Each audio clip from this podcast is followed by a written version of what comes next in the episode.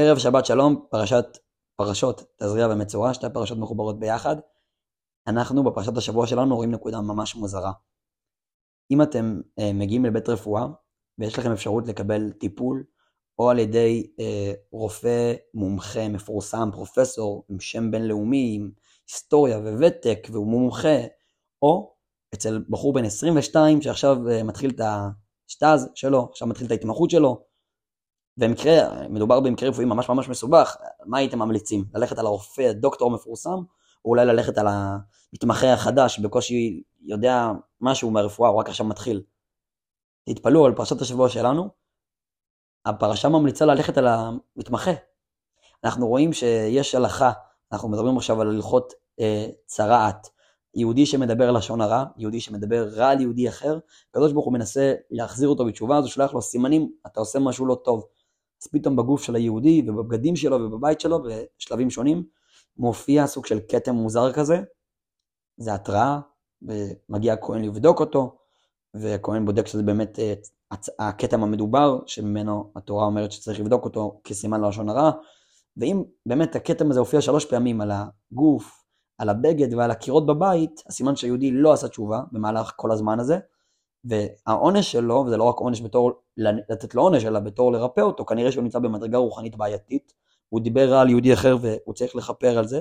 הדרך היחידה לתקן את זה, היא שהוא יצא מהמחנה, יעזוב את הבית שלו, עם ישראל חיו אז כמו קבוצת אוהלים מגובשת ביחד, הוא יצא מחוץ למחנה לאיזה אוהל בודד בין הערים, שמה, כדי שהוא לא יטמא את האחרים, הוא נמצא בדרגה רוחנית שבה יש לו טומאה.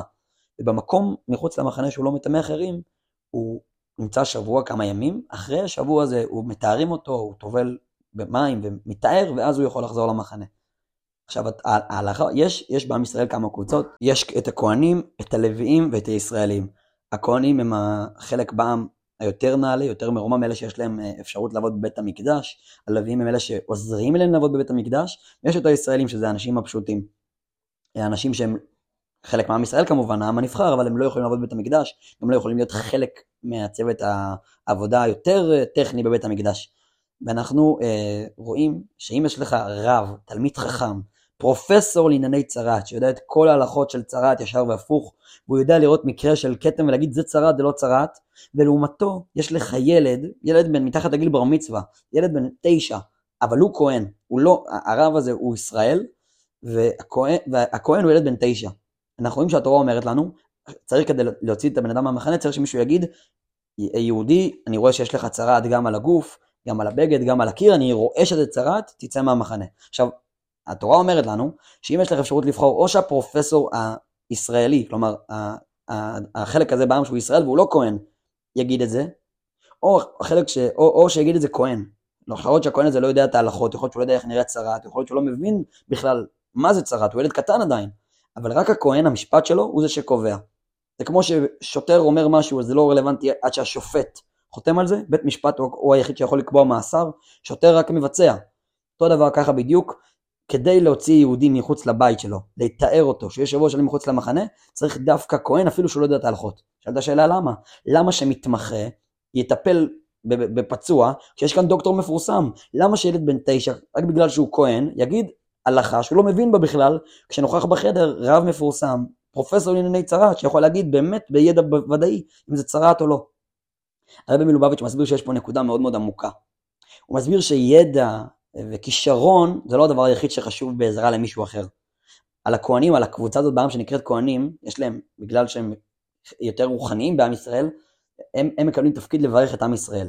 וכתוב, לברך את עמו ישראל באהבה. כשמברכים את עם ישראל הם מציינים לפני שהם עושים את זה מתוך אהבה. לכהנים יש תכונה מיוחדת בעם ישראל, זה כמו קבוצה בעם, שיש לה תכונה מיוחדת של לאהוב כל יהודי ויהודי.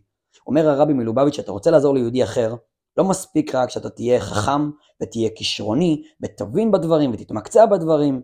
אם אתה לא אוהב את היהודי שמולך, אתה יכול להיות יותר מדי קשוח איתו. אם מגיע רב שהיהודי מולו לא כל כך מעניין אותו, הוא, פה כדי לסמן וי על, על לבדוק את הדברים אם זה צרת או לא צרת. אז הוא יכול להיות שזה צרת, ואולי זה לא צרת, אבל אתה, אין לך אינטרס לעזור ליהודי שמולך, כי אתה לא חייב לו כלום, אתה רק פה לבצע את התפקיד שלך. אז הוא יגיד, שמע, אני לא יודע, זה נראה לי כמו צרת, זה, זה נוטה לכיוון צרת. יוצא שבעצם יהודי, יכול להיות שבאמת מגיע לו, אבל אולי לא מגיע לו. יצא מחוץ למחנה, יתנתק מהמשפחה שלו, יחווה בידוד חברתי. לעומת זאת, אם כהן, אפילו שהוא ילד, הוא, הוא זה שיגיד את המשפט צרעת או לא צרעת, יכול להיות שהוא יתייעץ עם הבן אדם, הפרופסור או עם הרב, אבל אם מישהו שאוהב את היהודי שמולו, הוא זה שיגיד לו את זה, זה יראה אחרת לגמרי. זה כמו שיפגוש אתכם שוטר עצבני, שלא, שלא מכיר אתכם ולא מעניין אתכם, ו- ואתם לא מעניינים אותו, הוא אומר לך, תשמע, לא, לא, לא יודע, נראה לי שמגיע לך קנס, אבל אדוני השוטר, אין לי מאיפה לשלם את זה, אני, זה, זה טעות, זה, הוא לא אכפת לו, הוא קשוח איתך. אבל אם עומד מולך אח שלך, אח שלך זה השוטר שעצר אותך, אז מצד אחד הוא אומר לך, תיזהר, מצד שני הוא אומר לך, תשמע, אני, אני כל כך אוהב אותך, שאני אנסה לבוא לקראתך. זאת הנקודה, אנחנו צריכים שאנחנו שופטים מישהו אחר, תמיד תמיד להסתכל עליו כאח שלנו. לא, לש, לא, לא לשפוט אותו כשופטים בבית משפט, לשפוט אותו כמישהו שאומר, תשמע, נכון שהוא עשה משהו לא בסדר, אבל איפה אני יכול למצוא את הטעות, את, את, את האי כוונה הרעה שלו? כשאנחנו מתנהגים באהבת חינם כזאת, אנחנו זוכים כבר לגאולה אמיתית והשלמה, תכף ומיד ממש. שבת שלום לכולם, משיח נאו.